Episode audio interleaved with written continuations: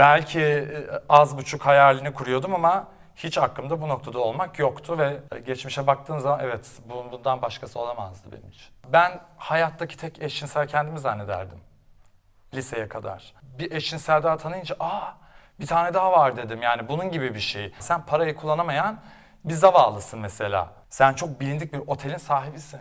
Senin salak olma şansın yok. Oğulcan şu anda yaşıyorsa bu şans eseri bence.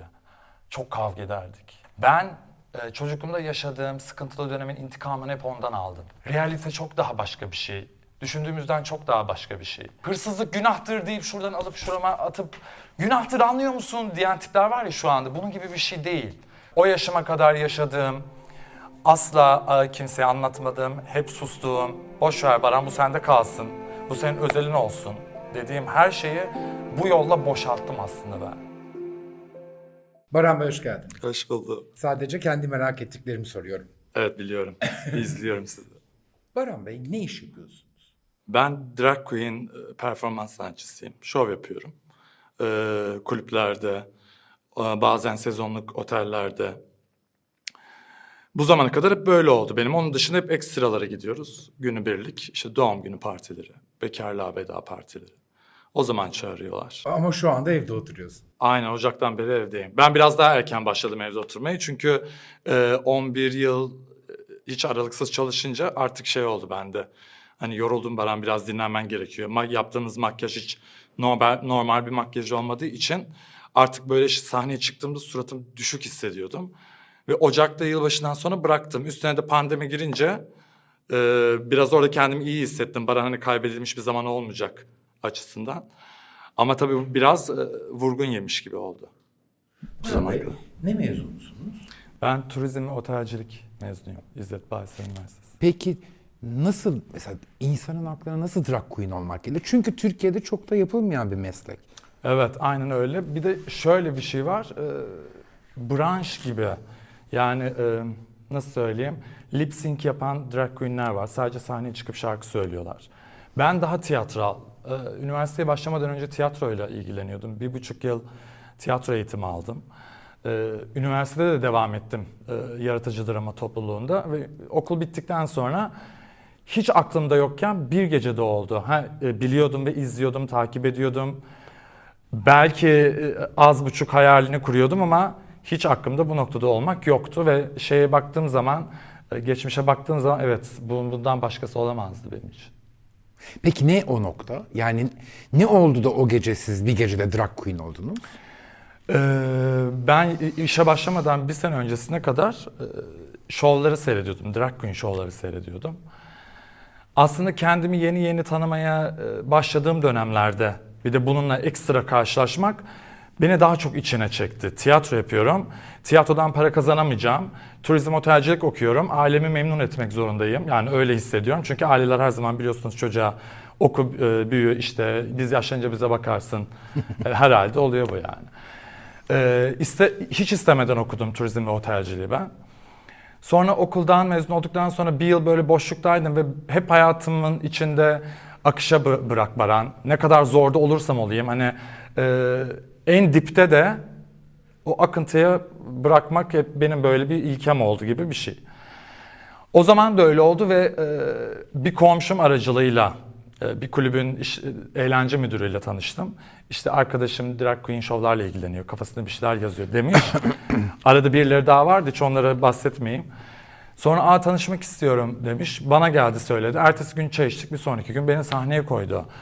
Ben zaten bir senedir o izlediklerimden yola çıkarak şovlar yazıyordum. Ee, yani böyle hakikaten su aktı ve yolunu bu- buldu benim için. Drag queen olmamdaki en büyük sebep aslında şöyle diyebilirim. Drag queen olmasaydım belki şu an çok boktan bir yerde bile olabilirdim. Bazen bunu düşünüyorum. Çünkü e, o yaşıma kadar yaşadığım, asla e, kimseye anlatmadığım, hep sustuğum, boş ver Baran bu sende kalsın, bu senin özelin olsun dediğim her şeyi bu yolla boşalttım aslında ben. Yani içimdeki çığlığı, içime bağırdım o çığlığı, ben bu meslek aracılığıyla e, seyirciye bağırdım. Seyirci bunu bilmiyor ama ben biliyorum. Ve bu beni çok fazla rahatlattı. Bir nevi terapi. Aynen öyle oldu. Aynen öyle oldu. Terapi oldu. Ve sahne adımı da çığlık koydum. İtalyanca grido koymuştum o zaman. Bir yandan da bu Türkiye'de meslekte sayılmayan bir şey. Evet aynen öyle çünkü hala drag queen dediğinizde ne olduğunu bilmeyen insanlar var. Bence o yüzden hani videoyu seyredenler için de drag queen ne demek? Bence siz en yetkin isimlerden birisi olarak açıklayın. Aslında baktığımız zaman e, Google bilgisi e, kadın kılığına girmiş erkek olarak görünüyor. Halbuki e, bunu biz bu mesleği yapan kişiler olarak bizim için tanıma ve anlamı çok daha büyük ve derin. E, ben de bunu kadın kılığına erkek, e, kadın kılığına girmiş erkek olarak tanımlayabilirim. Karşı tarafın beni daha iyi anlaması açısından. Çünkü hmm, dediğim gibi çok yani ben e, içimdeki çığlığı dışarı yansıtmak için benim tanımım bu aslında. Ama başkası bunu daha eğlenceli bir taraftan tanımlayabilir. Ama genel olarak tanımı bu. Etimolojisine baktığımız zaman çok daha başka aslında. Ne? Yani şöyle, e, ben e, ilk drag queen'im yani işte kayıtlarda ilk e, drag queen dediğimiz karakter e, 19. yüzyılın sonlarında 1888 yılında aslında başlıyor. Fakat o kendini drag queen olarak tanımladığı zaman bir 20 yıl öncesinde İngiltere'de Victorian döneminde tiyatrocuları görüyoruz. Herkes drag queen. Bütün erkekler drag queen. Kadınlar da e, onların ismi daha farklı. E, drag king diyorlar onlara. Hala var. Onlar da aşınmaya uğradılar ve şu anda çok daha başka. E, e, daha eskiye gittiğimiz zaman Shakespeare döneminde görüyoruz. Onda da e, işte kadınları sahneye çıkarmadıkları için bazı oyunlarda ama burada aslında drag queen'lik ayrılıyor. Onlar cross dresser oluyor biraz. Drag queen e, kelimesi o 1888'de Amerika'da başlıyor. Türkiye'nin ilk drag queen'i kim? Huysuz Virgin. Aa, Evet Seyfi Dursunoğlu. Seyfi Bey'den önce yok mu? Yok. Seyfi Bey'den önce yok. Yani kayıtlarda yok böyle bir şey. Aa, bunu Yani bir- bilmiyordum. bir, kaynak yok. Evet. Hatta şöyle 1930'da Brezilya'da çok e, meşhur yani bilen biliyordur belki filmi de vardı çünkü. Madame Satü. E, Çok da psikopat bir karakter aslında. 30 yıl cezaevinde yatmış, uyuşturucu satmak, cinayet. Çalıştığı kulübün e, güvenlik müdürünü öldürüyor ve içeri giriyor. O kişi de e, Rio Karnavalı'nda yürüyen ilk drag queen. Kayıtlarda geçen o. Sonrasında e, pardon e, Marsha P. Johnson giriyor 1969 Amerika'daki Stonewall ayaklanmalarında. Aslında hepimiz öyle biliyoruz. Hani drag queen Marsha P. Johnson'dan aslında değil. 1888'de William e, Dorsey Sven'den geliyor. Yaptığınız işe ne kadar saygınız var? Bayağı tarihi falan araştırmışsınız. E- evet ben seviyorum. Bir de ben daha böyle tiyatral nasıl söyleyeyim bir buçuk saatlik bir müzikali üç buçuk dakikaya sığdırıyormuşsunuz gibi düşünün. Ben o yönde ilerliyorum. Dediğim gibi branş branş kimisi çıkıyor sadece şarkı söylüyor, playback yapıyor. E, Huysuz Virgin mikrofon kullanıyordu mesela. insanlara e, laf atıyordu, laf alıyordu. Bu şekilde. Ben sadece bir müzik üzerinden şov yapıyorum. Hikayeyi o üç buçuk dakikaya sığdırıyorum. Çok da ön hazırlığı eziyetli bir iş. Çok fazla. Şu anlamda e, siz erkek ölçülerinde olduğunuz için sizin üstünüze bir kadın elbisesi bulmak neredeyse imkansız değil mi? Tabii tabii dikiliyor. Hepsi dikiliyor. Büyük çaba harcıyorsunuz aslında. Fazla şöyle mesela örnek vereyim. Bunun düğmeleri ayrı alınıyor. Pantolonun düğmeleri, kumaşı ayrı alınıyor. E, terziye gitmesi var, provası var. İpliğine kadar alınıyor yani her şey. Bir yandan da masraflı. Tabii şu anda daha masraflı. Sağ olsun dolar ve euro iyice e, çıkmaz yola sürüklüyor. Yani bu yüzden mesela şimdiki jenerasyon daha hazır kıyafet alıyor.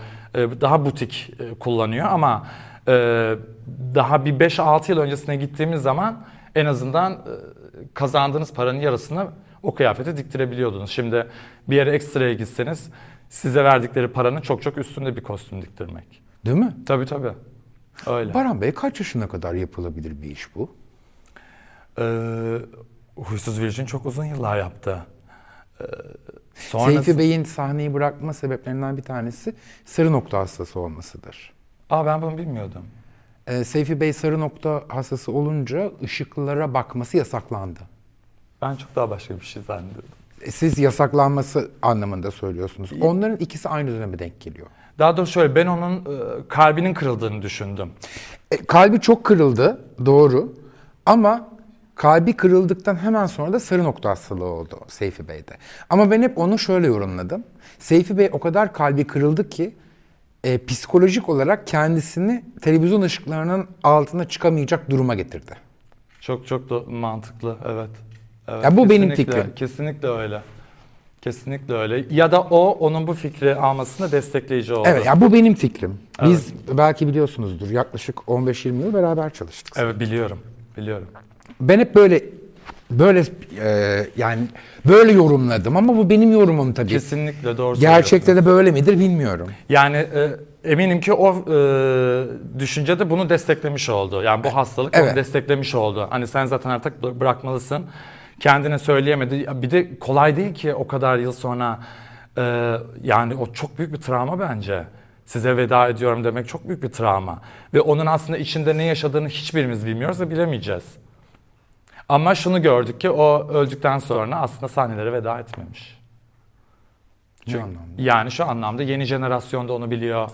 Ee, çok fazla e, paylaşım oldu internet, sosyal medya üzerinden. Bir insanın- Hiç kötü bir şey yazılmadı onun hakkında. Bir insanı göz önünden almak unutturduk demek değil evet, bence. evet. Keşke o da bunu görseymiş. Keşke. Değil mi?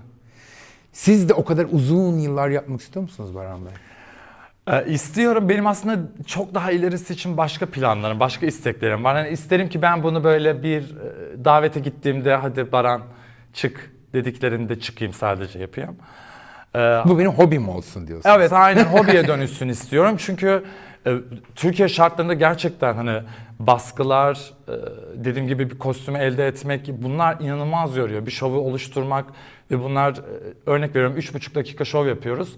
Fakat 3 ay çalışıyoruz bunun için. E, o yüzden belli bir yaşa kadar zaten o noktada bitir artık deriz kendimize diye düşünüyorum. Çok para kazandıran bir iş mi? Hayır. Değil. Eskiler daha çok kazanıyormuş onu biliyorum. Yani sonra Besim Kazado, Cengiz Han geldi, Metin geldi. Ee, onlar daha çok kazanmışlar. Onlar söylüyorlar, anlatıyorlar zaten bizden önceki jenerasyonlarımız. Kaç doğumlusun? Ben 88 Evet, çok da yaşlı değilsiniz. yani. diyelim evet. Aileniz önce karşı falan çıktı mı? Ya bu ne biçim iş falan diye. Babam beni dans ediyorum diye biliyor ki zaten dans ediyorum, yalan konuşmuyorum. Sadece baba bak ben bu kılığa girdim demiyorum. Benim böyle e, garip bir karakterim var galiba. Hiç böyle hani akrabalarım ne der, ailem ne der. Birilerine hesap vermek zorundaymışım gibi hiçbir zaman hissetmedim. Çocukken de e, bana manyak gözüyle bakarlardı. Büyüdüğümde de deli gözüyle bakmaya başladılar. E, Yani hiç bilmeyen çok kişi var mesela. Babam hala bilmiyor. Hani görse nasıl bir tepki verir onu da bilmiyorum. Ama o Annem zaman- biliyor. Baran Bey bir yandan da cesursunuz. Mesela şu anda Türkiye'nin en çok seyredilen YouTube şovlarından evet. bir tanesindesiniz. E, e, cesur olduğum için bu mesleği yapıyorum zaten. o da doğru. Doğru söylüyorsunuz. Evet aynen. Yani gelecek olan tepkiler sadece sosyal medya üzerinden değil çalıştığımız yerde de gelebiliyor. Peki mesela hiç şöyle olmuyor mu? Bir yandan da gece hayatı, e, gece çalışıyorsunuz. İnsanlar gündüz ayaktayken siz uyuyorsunuz. İnsanlar uyurken siz ayağa kalkıyorsunuz. Evet. Tersine bir hayatınız var. Yorucu. Çok fazla yorucu.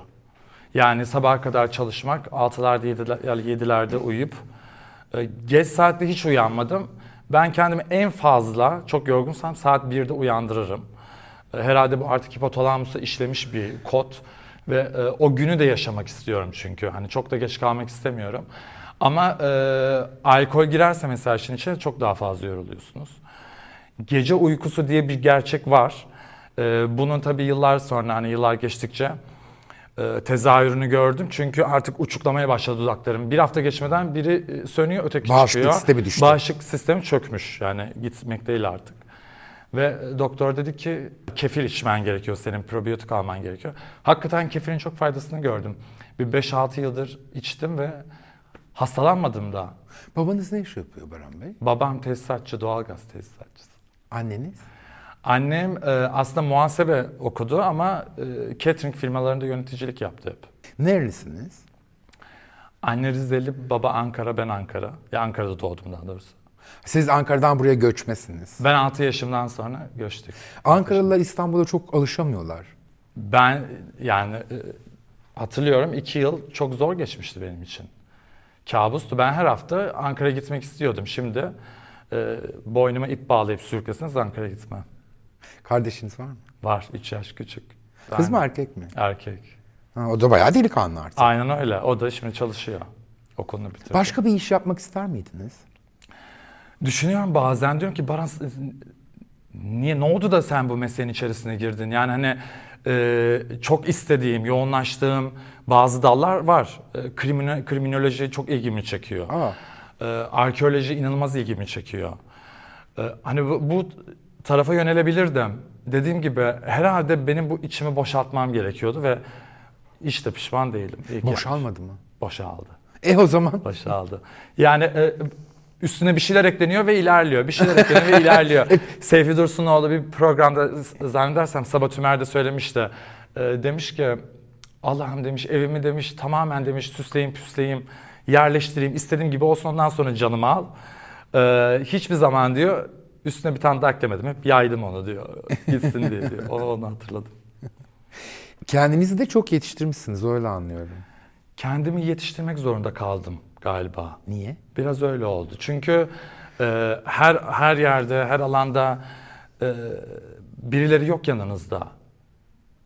Hepimizin bir yaştan sonra ailesi gidecek. Eğer bir kardeşiniz yoksa tek kalacaksınız. Varsa bile tek kalabilirsiniz. Hiç arkadaşınız da olmayabilir. E, bir de herhalde çocuklukta yaşadıklarım da beni e, yalnız işte güçlü olması Baran yalnızlığın ne demek olduğunu bilmelisine sürükledi beni belki. Ve o yüzden hep bir savunma mekanizmam oldu belirli bir yaştan sonra. E, böyle ilerledi. Ama ben hep şöyle düşünüyorum.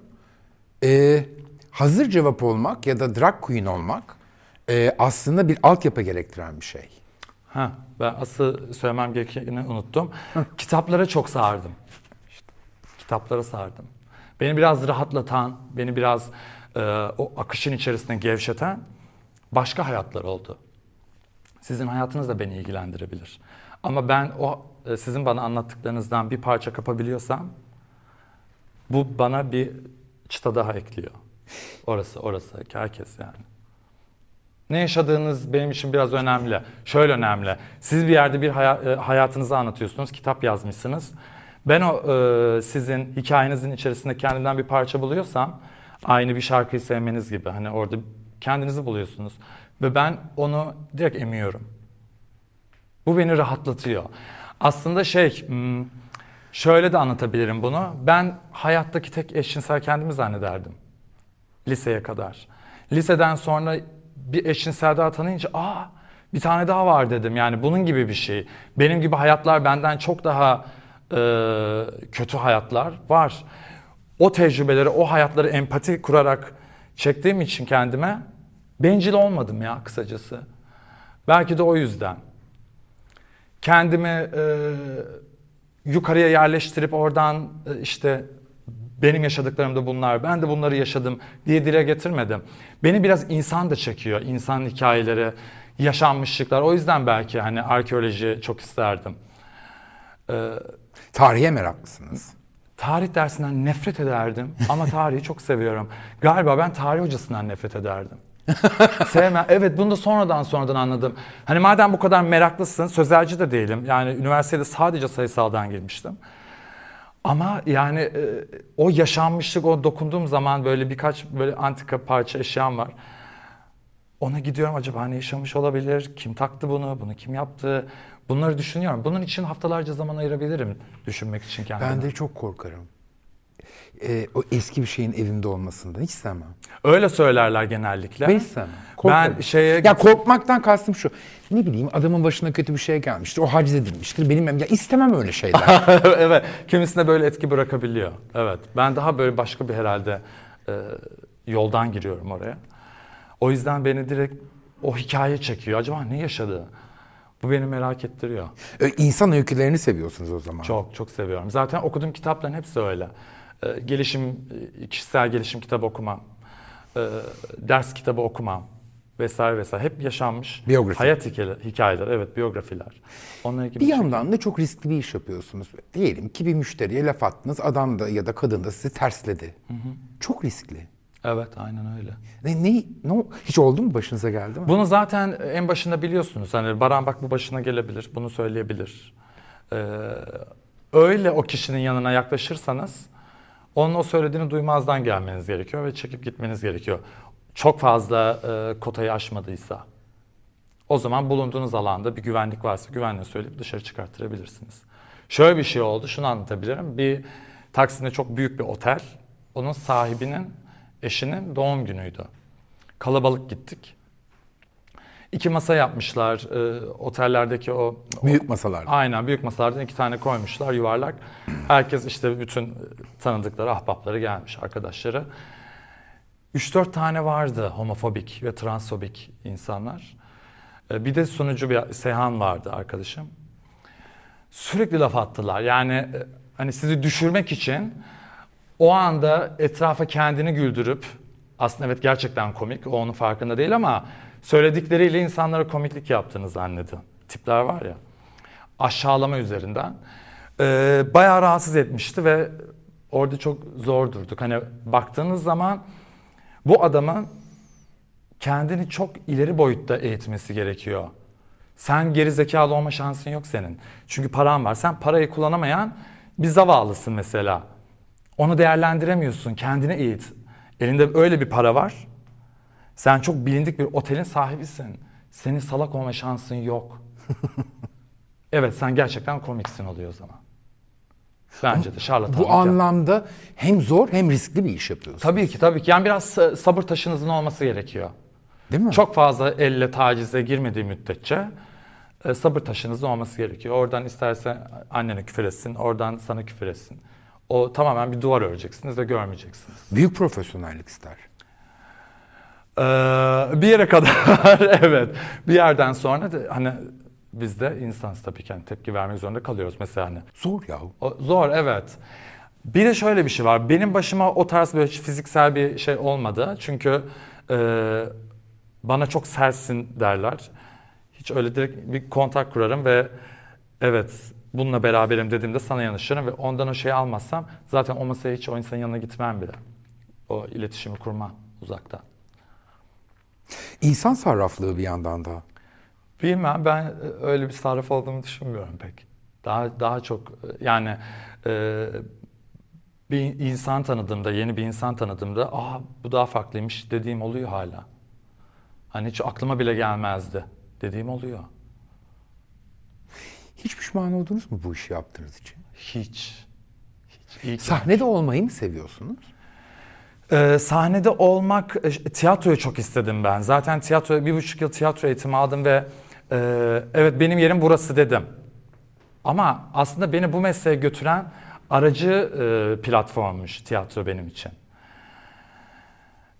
Ben galiba e, içimde o patlamaya hazır Volkan'ın e, yardımcısı oldu bu meslek bana. Yani o, ben öyle düşünüyorum. Öyle İtici güç oldu. Aynen öyle. Baran bu şekilde yani e, benim size söyleyemeyeceğim şeyleri o meslek aracılığıyla o sahnede size söyleyebiliyorum ama siz bunun farkında değilsiniz. Me- e, çok daha başka amaçlarla yaptığım şovlar da var. Bir yerde Afrika'da bir çocuk gördüm fotoğraf örnek veriyorum. E, devasa bizon gibi boynuzları olan bir hayvan hiç görmedim onda. Küçücük bir çocuk e, boynuna ip bağlamış, onu geziyor ve bir fotoğrafçı bunu fotoğraflamış. Şimdi sana e, zaten bir vursa yani o çocuk ölür. Üstüne basarsa ölür. Hani bacağının yarısı kadar o çocuk. Aradaki samimiyet, masumiyet, güven beni inanılmaz etkilemişti ve gittim o hayvanı betimleyen bir kostüm yaptım. Boynuz, boynuzla betimledim o hayvanı. Rengiyle betimledim kostümün kumaşını öyle seçtim aldım. Ve dansçıları arkamda e, dans eden dansçıların da çocuk olarak betimledim. Ve e, o fotoğrafın içine girip o anı yaşamak benim için o üç buçuk dakikalık şovdan ibaretti aslında. Ama bunu seyirci bilmiyor. Seyrettiği zaman wow inanılmaz bir şov diyor ama benim onu yapış amacım çok farklı. Siz bir resimden ne anlıyorsunuz? E, Öteki o resimden ne anlıyor? Benim için çok daha başka bir şey aslında. Sanat böyle bir şey değil mi zaten? Evet. Çok zengin böyle hani o e, dehlize girdiğiniz zaman hani şey gibi o kurbağalar yeni doğum lavra mı derler? Postmodernizm böyle bir şey. bir yandan da. Aynen öyle. Aynen öyle. Yani hani ama e, sizin anlattıklarınızdan drag queen olmanın postmodernlikle de çok alakası yok. Çok derin bir tarihi var. Kesinlikle öyle. İlk drag queen dediğimiz kişi de e, artık eşcinsel haklarının olmamasından dolayı, LGBT artıların haklarının olmamasından dolayı, hatta onu da anlatabilirim kısaca.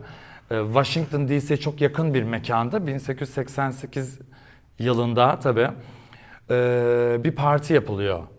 Daha öncesi de olabilir. 1888'deki olay başka bir şey. Bir parti yapılıyor. Afro-Amerikan siyahi şey Afro-Amerikan e, eşcinseller 20'ye yakın e, insanların olduğu bir grup kadın kıyafetleri giyiyorlar ve e, aralarından bir tanesi ben drag queen'im diyor o zaman. Ve polis basıyor. Kimileri camdan atlıyor, kimileri terasa çıkıyor. Kimileri arka kapıdan kaçıyor. Sadece bir tanesi e, William Sven polisin karşısında dikiliyor. Krem rengi saten elbisesiyle. Baş kaldırıyorum diye. Ve e, o anda arbede yaşanıyor ve artık o günden sonra bir ayaklanma oluyor. Zaten hep böyle olmuyor mu? Birisi bir baş kaldırıyor ve Onur haftası da böyle başlamıyor mu? onun haftası da Marsha P. Johnson'la başlıyor. Aynı bu şekilde evet. O da e, poliste direnişle başlıyor. Aslında aynı hikaye. Birisinde girişim başarısız oluyor. Ötekinde başarılı oluyor ve başarılı olan her yıl Onur Haftası olarak kutlanıyor. Bundan sonra ne hedefiniz var? Bundan huzur istiyorum. Huzursuz musunuz şu Huzur... anda? Şu an değil herhalde ya bilmiyorum. Bu pandemi bana çok yaramadı. Aslında bana yarayacağını düşündüm. İşten ayrılma sebebim de buydu. Şöyle ki dedim ki Baran herhalde haftada bir kitap bitirirsin. Daha fazla hayat e, öğrenirsin. Daha çok müzik dinlersin. Yeni yeni birileri çıkıyor ve daha çok insan tanırsın. Hedefim buydu bu yıl için. Araya pandemi girince şimdi herkes evde. Bir kaybın yok. Ee, bu krizi hepimiz yaşayacağız. Bir tek sen yaşamayacağız, yaşamayacaksın diye de telkinde bulundum.